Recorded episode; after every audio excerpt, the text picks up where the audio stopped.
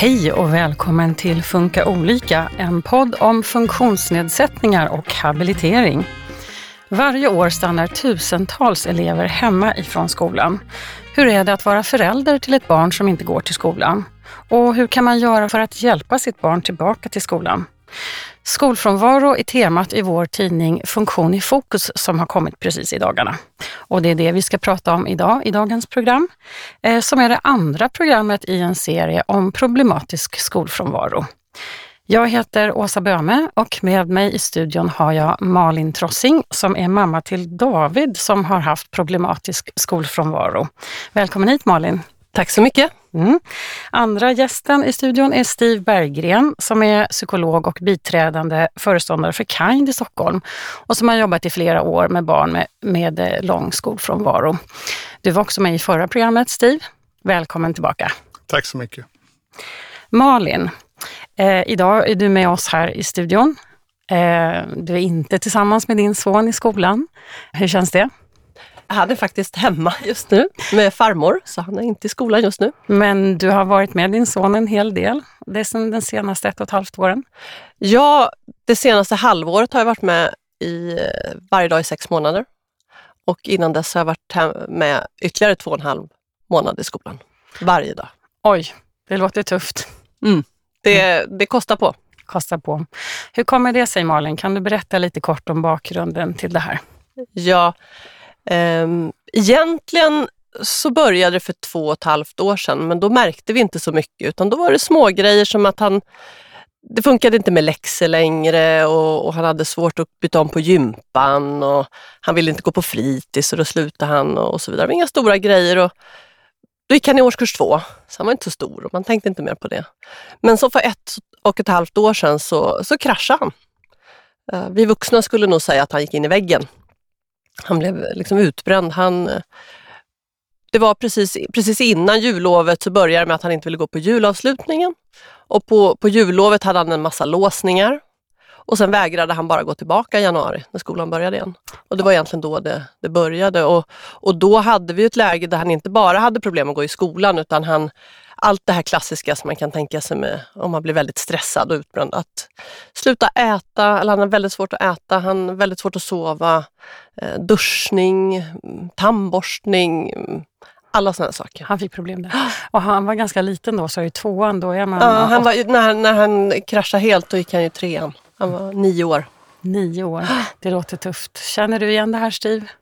Absolut. Det, det är en bra beskrivning av eh, en, en, ung person som på något sätt också då inte orkar med den situationen som är runt omkring. Vad var det som hände sen då Malin? Fick han något stöd i skolan? Ja, det var, tog ett tag innan skolan liksom förstod eh, hur illa det var. Och, och, det tyckte jag var lite konstigt för han, han ville inte gå dit och, och, och, då var han några dagar ändå där själv och då satt han i hallen själv. Och, eh, övergiven och, och ville inte vara med. Och, och, men på något sätt så hade de inte tid att se hur dåligt han egentligen mådde. Och eh, till slut så kände jag att nej men, han kommer ju att liksom klappa upp ännu mer. Det kan inte jag utsätta mitt barn för. Så då var jag med för att liksom stötta honom och så. Och, och anledningen till att jag var med är ju för att man har skolplikt. Jag kände att det var liksom det alternativet jag som förälder hade.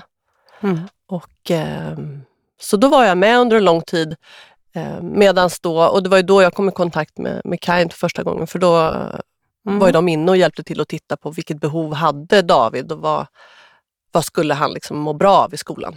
För till slut så tog ju skolan tag i problemet mm. och kallade in din, din kollega Steve, Anna, eh, som var med och utredde då David och vad han hade för behov av stöd. Ja. ja. Vad kom man fram till? Eh, man kom fram till att han behövde en resurs och eh, att han behövde en, hela den här raden av klassiska eh, anpassningar som den här typen av barn mår bra av. Struktur och tydlighet och, och lugn och ro och, och så vidare. Så att, eh, och då fick han, då hade de en, en, eh, en, kvinna i, i klassrummet redan som, som var specialpedagog och som, som kände David väldigt väl och, och så vidare. Och, eh, det var så roligt och tydligt där tycker jag just när man gör det jag har verkligen tagit med mig från det som, som Kind har sagt, det är ju att, att när man gör rätt med de här barnen, då ser man det inom två dagar. Oj, det går så eh, och, och gör man fel så, så kommer det aldrig funka. Ja. Och, eh, när, och bara det här att, att när han då fick veta att han skulle få den här specialpedagogen som resurs under en period, så sa han nästa morgon till mig vid frukostbordet att du vet imorgon, idag mamma så behöver du inte följa med mig till skolan för jag går själv. Och det var så härligt. Så då var han själv resten av terminen. Mm. Hade ni fått reda på att han hade en diagnos då? Eller? Ja, Ja. vi, vid det läget hade vi inte diagnosen än utan då hade vi misstankar. Men vi ställde oss i kö och gjorde ändå en utredning i somras, eller under sommaren då, där man kom fram till att han har ADD och Asperger. Steve, eh, Malin säger här att eh, det tar bara två dagar om man gör rätt. Vad är det man ska göra för att göra rätt? Alltså det, är- det är jättesvårt att svara på generellt. Eh, Det som Malin berättar väldigt mycket om och det som, som vi försöker trycka på det är att man gör en kartläggning. Alltså att diagnosen i sig kan ju vara liknande eftersom det är samma grund många gånger. Då. Men en diagnos är ju bara en samling kriterier egentligen som man ska uppfylla olika kriterier. Det säger ju ingenting om individen egentligen. Så självkritiskt också om vi pratar om våran kår psykologer också så är vi lite för dåliga på att föra ut kunskap om individen och vad individen behöver. Det är väldigt lätt att säga så att Kalle uppfyller kriterierna för ja, någon form av autism. Men det säger ju ingenting om Kalle och det säger ju ingenting om Kalle hur han fungerar just i den miljön. Så att eh, en kartläggning kring hur barnet funkar, det är ju det som behövs väldigt mycket. Mm. Sen är ju också den här beskrivningen väldigt mycket att man man ser att någonting händer, men man kan inte liksom koppla det till att det skulle kunna vara ett problem. Okej, han sitter där. Ja, men varför sitter han där? Och det, det är någonting som vi har sett väldigt många gånger. Vi hade en, en mamma som berättade att hans, eh, eller hennes pojke hade vid ett tillfälle pekat på ett skåp när de gick i korridoren. Och så, så hade han sagt så här, ja, där sitter jag på rasterna. Och de som gick bredvid fattade ju inte vad han menade för någonting. Men det visade sig ju då att det kom fram att den här killen hade satt i det här skåpet varje gång det var rast. För att han visste dels inte vad han skulle göra och han kunde inte förhålla sig med kamraterna runt omkring. Så vuxna har ett väldigt stort ansvar att se barnen. Mm. Och det var det som brast lite där i, i skolan innan man upptäckte vad David hade för behov. Man Ja. såg inte honom helt enkelt. Men eh, då verkar det som att det löste sig när ni fick reda på det här och han fick en resurs, en specialpedagog. Ja, det trodde vi också förra sommaren.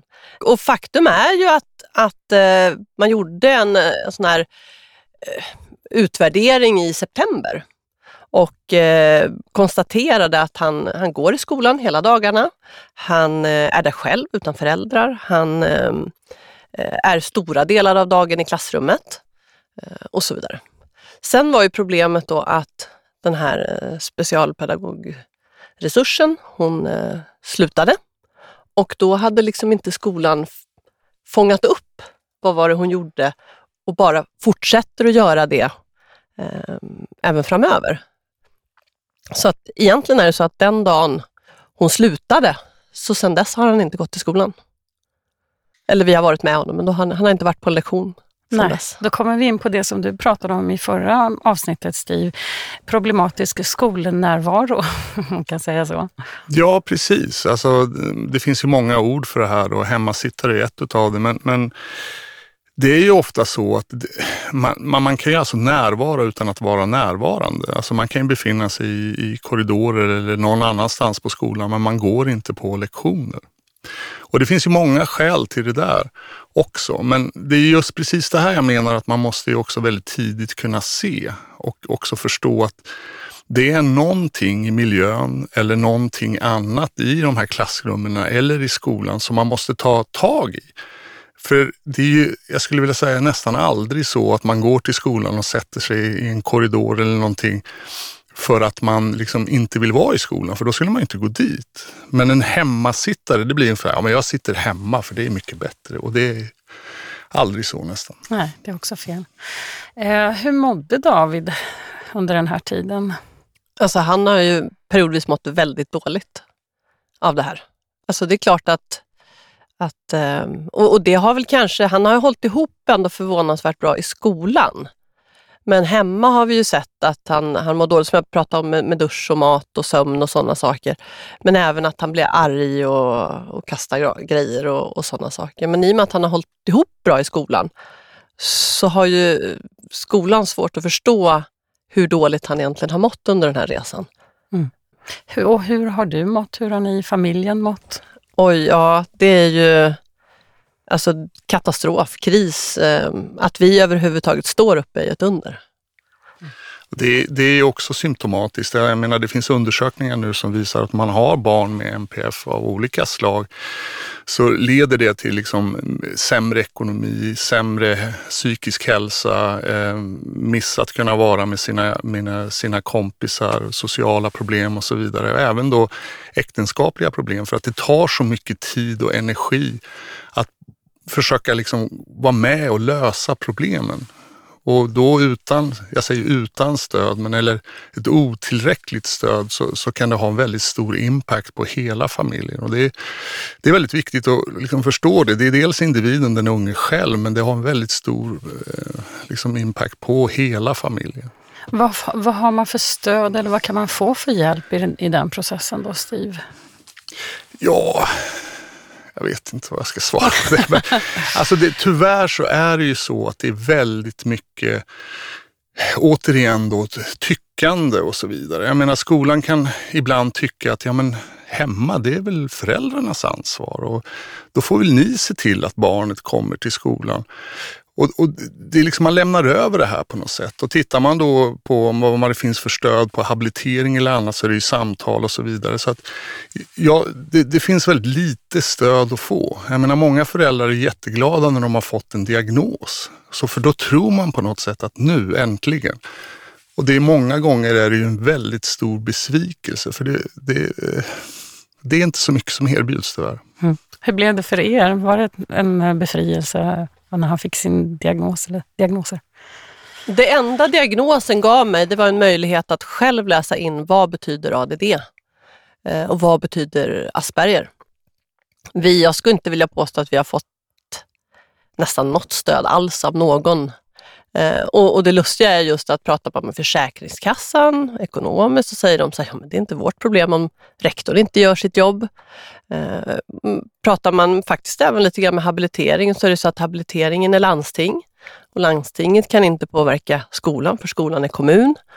Och, och det hela tiden blir liksom, man, blir man pekar, pekar vidare hela tiden. Och eh, SOS kan inte heller göra något om man har problem i skolan men inte hemma och så vidare. Så att det på något sätt så faller man helt mellan stolarna och man har hela ansvaret själv och jag ska uppskatta att det är ett heltidsjobb. Och ska man då dessutom jobba, då funkar det inte. Det går inte. Vad säger du om det här Steve? Är det din bild också? Ja, absolut. Eh, jag menar det är det. Och det, det är många gånger att alla de här myndigheterna har liksom nätverksmöten där man sitter och på något sätt ska försöka bolla över problemen till varandra istället för att samverka. Och samverkan är ju absolut bland det som fungerar sämst. Alltså det, det, det är ju väldigt märkligt men det, det, är ofta så. Och man kan skicka folk på de, här sam, på de här mötena som inte har något mandat att bestämma någonting. Och det är ju ytterligare en belastning både för föräldrarna och barnet i sig. Istället för att man kommer till de här mötena och tänker sig att nu ska vi göra något. Vi har mandat att göra någonting, att hjälpa till. Och det, det ja, det, det, är sorgligt att det fungerar på det sättet i många fall. Mm. Om vi går tillbaka till föräldrarollen, hur kan man hjälpa sitt barn eller vad ska man säga till sitt barn i en sån här situation?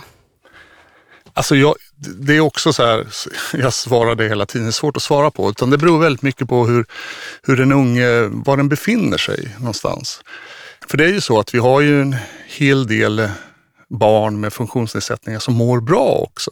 Det får man inte glömma. Jag får mycket frågor från föräldrar. Okej, okay, nu mår Kalle jättebra. Ska jag tala om för honom att han har Aspergers syndrom? Ja, jag vet inte. Vad finns det för skäl till det egentligen? Att göra det? Eh, så det är svårt att svara på, men jag tror att i en situation där, där ingenting fungerar så är det viktigt också att prata om att det inte det är inte Kalles fel att det inte funkar. Alltså det, det, är inte hans, det är inte hans ansvar att saker och ting ska funka. Utan det är ju väldigt viktigt att försöka få honom att förstå att man jobbar med att, att situationen ska förändras. För annars lägger man ju all skuld på honom. Mm. Det här känner du igen Malin? Du tyckte att din son fick bära skuld för det här? Ja, och det har ju faktiskt varit en av mina viktigaste bitar i den här resan, att se till att inte David får någon skuld, för han, är, han var nio år när han kraschade. Som nioåring så har man ingen möjlighet att påverka sin sina vardag. Det är inte hans ansvar. Så vad sa du till David? Nej, men för mig handlar det om att, att det här är ju ett skolans ansvar. Skollagen säger att alla har rätt till, till utbildning. Det är i slutändan rektorns ansvar att skolan anpassas så att du David kan, kan ta till dig och, och må bra och, i den här miljön. Och jag tycker att det är viktigt att, Ehm, att som förälder ge honom den känslan. Men jag tänker också att det är väldigt svårt därför att man blir hela tiden också ifrågasatt och många av de här så kallade så att säga, experterna i skolmiljö som man möter, de kan ju låta väldigt säkra.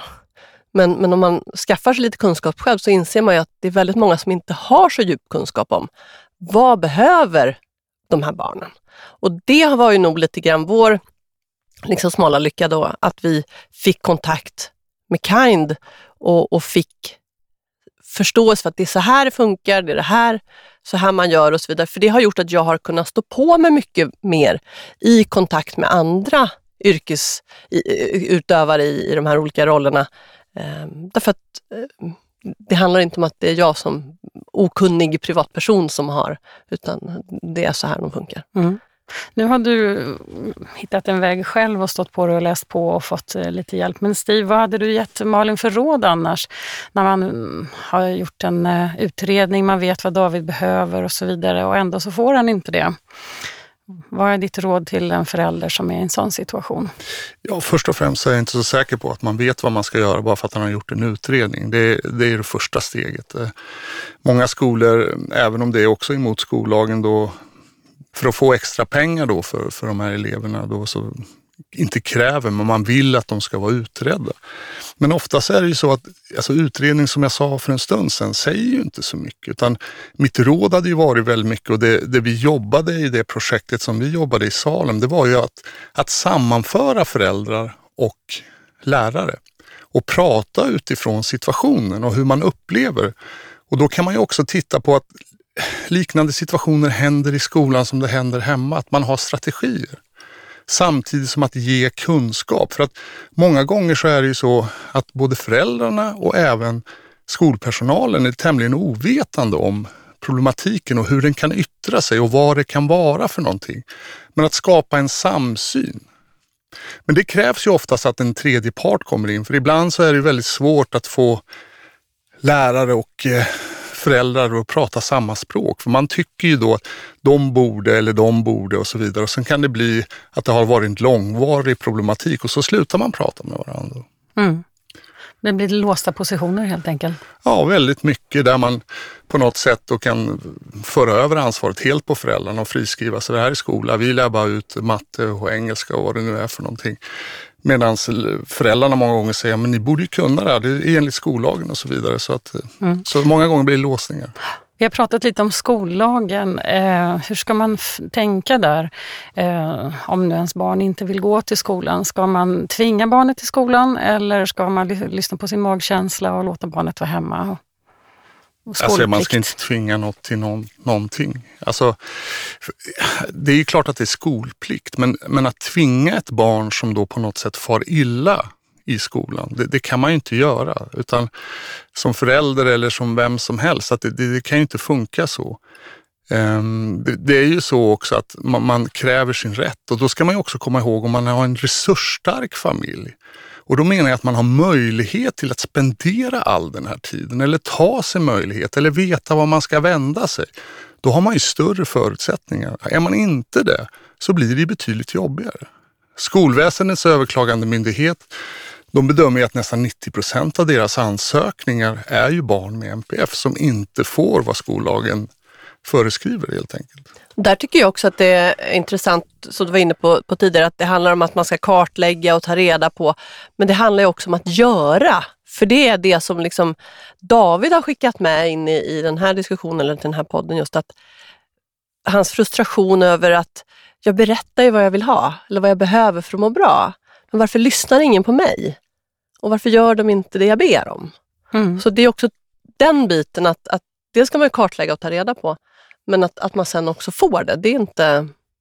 Det är inte självklart. Alltså det missas ju väldigt ofta. Det är en jättebra poäng. Jag menar, om, man, om jag då handleder specialpedagoger och så vidare så säger de så det funkar ingenting. Nej, hur, varför inte det då? Nej, men vi märker det, det gör inte det. Ja, men har ni frågat Kalle varför han tycker att det inte funkar? Och det är på något sätt väldigt konstigt, för det är det sista man kommer på, att man faktiskt frågar den det handlar om. Man missar alltså barnen också. Precis, ja. att få och också tro på det de säger. För att många av de här barnen har ett annorlunda sätt att tänka, ett annorlunda sätt att vara, en annorlunda perception. Så hur konstigt det än låter för mig som vuxen så kan, måste man lita på att det barnet säger faktiskt stämmer. Mm. Att det är sant för, för, för honom eller henne. Absolut. Mm. Under den här processen Malin så blev ni anmälda. Skolan gjorde en orosanmälan till socialtjänsten. Ja. Jajamensan. Jajamensan. Hur känns det när socialen ringer? Ja, det är klart att det är ju inte det, är liksom det man fasar för någonstans. Eh, och dels för att det inte är roligt att, att åka till SOS och bli under lupp som, som förälder, men också därför att jag har sett att kunskapen om MPF är så pass låg. Kan man mycket om MPF så vet man att ja, men det kanske är svårt för de här barnen att duscha varje dag. Det kanske är svårt för dem att ha på sig jättesnygga kläder och så vidare. Så ibland utåt sett så ger det en bild som inte har med dåligt föräldraskap att göra. Och då bygger det på att man får träffa rätt person på socialen. Mm. Nu hade vi tur mm. och träffade en jättebra person. Men, men eh, det har ju ändå varit oroligt innan. Mm. Hur ska man tänka där som förälder, Steve? Ska man vara rädd för socialen eller kan det till och med vara ett stöd för en? Nej, så rädd ska man ju inte vara. Ehm, man kan ju hoppas att det ska vara ett stöd, det, det är ju det jag måste liksom säga. Men det finns ju också så mycket förutfattade meningar. Alltså, nu, nu, tog Malin upp här lite om kläder och lite sånt här. Men det, det finns ju också en föreställning om att, att man måste äta allting till exempel. Man måste äta allting? Ja, men om du, om du nu går i en skolmatsal, om du nu tar dig dit så ska du äta det som finns där, absolut. Men vi vet att det här barnet äter bara vissa saker eller kanske i en viss ordning. Att då försöka tvinga ett barn att äta allting. Jag har ju med den filosofin att det var bra. Kalle äter. Det är ju liksom den första delen av det. Eller Kalle kommer fast han har sina mysbyxor som han har haft de senaste sju åren, men han är här. Hmm. Hur är det med skolorna? Gör de orosanmälan i högre utsträckning nu för tiden, Steve? Alltså jag har svårt att svara på det. Jag tror att många fall som man gör de här orosanmälningarna är ju också att man visar att man har gjort någonting. Um, om man nu inte kan tillgodose något sorts behov så har man åtminstone flagga för någonting och då det kanske låter väldigt cyniskt men då har man ju på något sätt försökt friskriva sig från mm, man, sitt eget ansvar. Man har ryggen fri helt enkelt. Ja. ja. Men Malin, hur ser framtiden ut nu då för David och för er?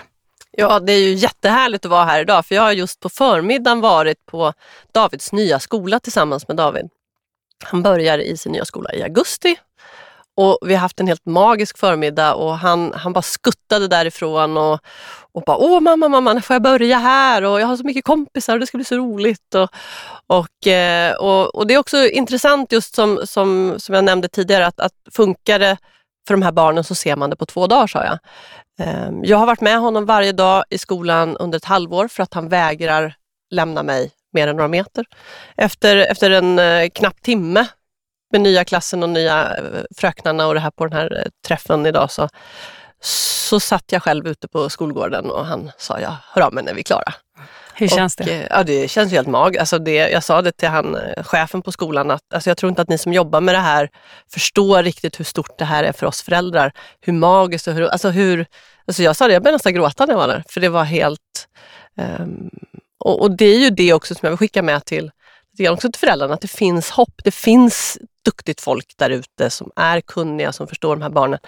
Men, men både jag och min familj och, och de flesta andra familjer får slåss rätt hårt för att komma dit och att inte ge upp på vägen.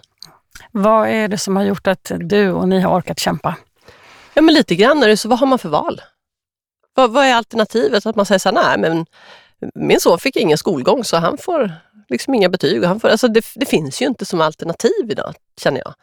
Och, ehm, och ibland så säger folk så, åh vad du är stark och vad ni har. Men vadå? ja, men det finns väl ingen som skulle vilja lägga sig ner och, och ge upp mer än vad jag har gjort nästan varje dag under de senaste ett, ett och ett halvt åren. Men det, det är inget alternativ. Och det är väl det och, då vet jag att jag fick eh, en, en som jobbar med de här bitarna som jag hade kontakt med förra våren också som sa så här, this too shall pass. Och det är många gånger jag plockar fram det och bara, men this too shall pass. För det känns inte så. När man är mitt i det, då känns det som att det här kommer pågå tills jag dör. Mm. Men nu ser du en ljusning. Ja! Nu. Ja. ja, det ska bli ja. så. Ja, nej, men det är verkligen härligt. Och framförallt att få se den glädjen i hans ögon. Och han längtar till skolan och får lära sig saker och han vill ju lära sig saker. Han, han är jättesmart. Han pratar flytande engelska fast han går i, i fyran. Han är liksom... Det är inte där skon klämmer och det är väl ofta det som jag tror att, att folk missförstår. Mm. Att han är ointresserad av skolan eller att han inte kan lära sig eller något. Eh, och, och lite grann att, att liksom det han behöver inte att man liksom pratar långsamt och tydligt, utan han behöver andra anpassningar. Ja. För han är smart och, och glad och eh, lär sig snabbt. Och det, det, har det varit så här med de barn du har lyckats hjälpa tillbaka till skolan, Stil? Alltså det skiftar ju väldigt mycket, det gör det. och det, jag tror ju också det här att om man har möjlighet som förälder att sätta sig in i problematiken och att också kunna leta alternativ och förstå vad man ska fråga. För det finns många alternativ där ute som inte är bra alternativ, som utger sig för att vara bra alternativ. Men man måste ju också då veta vad man ska fråga efter och hur man vill ha det. Så det, det är som Malin säger, det finns ju, finns ju bra alternativ men det kräver ju också att man letar rätt på. Det är inte så att de bara dyker upp. Och då är det också bra att man förstår vad ens barn behöver. Och där tror jag att många föräldrar skulle behöva betydligt mer stöttning och det skulle behöva gå mycket snabbare. Jag menar, det ska inte behöva ta flera år av missad skolgång, psykisk ohälsa och så vidare innan man kan få ett alternativ som passar. För det, det är ju trots allt det jag tänker utifrån hur jag tänker, eller vi har tänkt hela tiden, att det handlar ju inte så mycket om diagnosen i sig. Och man pratar om exkludering och inkludering och tillgänglighet och allt vad det nu är för någonting. Och det är ju bara ord egentligen om man inte gör någonting åt det. För att det kan ju vara lika bra att ett barn på något sätt får hitta en annan miljö, för man kan inte tillgodose det. Och då måste man ju också hjälpa till, tycker jag, som skola att leta rätt alternativ där man kan gå i skolan och klara av det. Mm. Och där skulle jag vilja lägga till en sak också. Vad, vad ska man som förälder titta efter? Eh, jag har ju erfarenhet och, och, sett två skolor som funkar väldigt bra. Och eh, det de har gemensamt är ju just den här förståelsen för att i grunden handlar om att bygga en relation med barnet. Och att den relationen bygger man genom att bygga en relation med föräldrarna. Och att skapa den tryggheten hos, hos föräldrarna så jag kan ge den vidare till David. Mm. Och för då går det mesta att lösa. För då är man inne på det här, ja men då lyssnar man på barnet och man lyssnar på föräldrarna och man vill åtgärda det och så vidare. Då, då handlar det bara om hur lång tid det tar innan man har hittat rätt anpassningar. Mm. Och det såg vi på David då förra våren när vi gjorde det här jobbet tillsammans med, med Karin. Det gick ju rätt fort. Mm. Det går. Men, men, men det handlar mest om, men har man inställningen att, att det är bara att skärpa sig eller, eller som jag hörde någon som hade skrivit en bok i det här ämnet uttala sig att jo men alltså, det är ju sådana här barn som har barn, föräldrar som möjliggör för dem att vara hemma. Mm. Och, och de här föräldrarna blir, har problem. Din, uh, du har ju två söner till och mm. din mellanson vet jag går i Källbringsskolan i Huddinge som är en uh, så kallad NPF-säkrad skola. Berätta. Ja, det stämmer bra. Eh, Källbringsskolan är alltså en, en vanlig kommunal eh, högstadieskola som har eh, anpassat egentligen sin hela verksamhet och NPF har säkrat den. De resonerar så här att det är så himla många barn med diagnoser idag. Så varför ska vi peka ut dem? Varför anpassar vi inte hela vår verksamhet efter det här? Alla barn mår bra av struktur och tydlighet och, och de här grejerna. Eh, så man har valt att, att anpassa lokalerna till viss del, alltså lugna färger, ljuddämpande möblering och sådana saker. Jobba mycket med eh, tydlighet och struktur. Eh, men framför allt så utgår de, tycker jag, från relationen och attityden och inställningen kring det här att, att på andra skolor så är det mycket mer så här att om det inte är tydligt för de här barnen så är det då har barnet inte förstått. Medan här är det så att om det är otydligt så, har, så säger läraren direkt, nej men oj, då har jag varit otydlig. Det ska jag rätta till. Ja, Steve, är det här framtiden tror du? NPF-säkrade skolor? Definitivt. Alltså det, det, det, är ju ingen tvekan om att det är så. Jag, jag menar, det är ju som Malin är inne på, alla barn har ju behov av struktur, tydlighet, förutsägbarhet och så vidare. och så vidare. Lugna miljöer, eh, möjlighet att dra sig undan och så vidare. Och så vidare. Och det är det som är fundamentet. Sen utöver det så kan vi titta på, det är då vi har tid att titta på varje individs specifika behov. Men alltså börjar man från minus, då, då kan man inte ens titta på det liksom specifika behovet för man har inte ens en miljö där, där man kan befinna sig i. Då. Så att det, är, det är ett ypperligt exempel och jag tror att det är någonting som behövs. För pratar vi om de som har särskilda behov, vi pratar inte om diagnoser, då kan vi prata om barn som 20 procent minst, som kanske har en senare utveckling som aldrig kommer leda till en diagnos, men mindre kognitiva förutsättningar för man inte liksom har utvecklats i samma takt som sina kompisar och de behöver ju också det här. Mm. Och, och, det pratar vi inte så mycket om tyvärr. Så att det, det, det, förhoppningen är ju att det är något sånt vi ska komma till. Mm. Struktur och NPF-säkrade skolor alltså. Malin, det har blivit dags att runda av. Vad är ditt sista råd till föräldrar som sitter och lyssnar? Det jag skulle vilja skicka med till, till alla er där ute som sitter och lyssnar och som är mitt uppe i det här, det är nog att, att liksom tillåta dig själv att bryta ihop ibland. Alltså bryt ihop, lägg dig ner, ge upp, ägna en kväll åt det. Nästa dag reser man sig upp och så kämpar man vidare. Och att skaffa sig liksom ett stödnätverk runt omkring sig. Och då, med det menar jag alltså andra människor som, som kan stötta en så man inte känner sig så oerhört ensam och maktlös i det här. Alltså via Facebookgrupper där det finns andra föräldrar i samma sits. Eh, människor som jobbar med det här i olika sammanhang som kan, kan bekräfta att du, det du gör är rätt. Um, alltså den typen av uh, människor runt omkring sig. För man är oerhört ensam i det här och, och problemet är ju också att när man pratar med sina vänner och sina släktingar så förstår de inte, vadå det är bara att uh, säg till honom och skärp sig så kan han väl gå i skolan. Och det gör det lite svårt i, i relation med, med människor som inte lever i en NPF-familj. Mm. Så att skaffa sig det sociala nätverket av andra likasinnade så man känner att vi är ju rätt många där ute. Mm. Kom ihåg, man är inte ensam. Mm. Bryt ihop ibland, men fortsätt kämpa. Ja. Ja. Har du synpunkter på programmet eller har frågor, gå in på vår Facebook-sida, hashtag funka olika. Läs också mer om skolfrånvaro i vår tidning Funktion i fokus. Gå in på vår webb, funktion.se och skaffa en gratis prenumeration eller ladda ner och läs mer. Jag vill tacka dig Malin Trossing eh, som har kommit hit idag och eh, Steve Berggren för att ni kom. Tack. Eh, och nu tar podden sommaruppehåll men vi är tillbaka till hösten igen. Lyssna då. Glad sommar och tack och hej!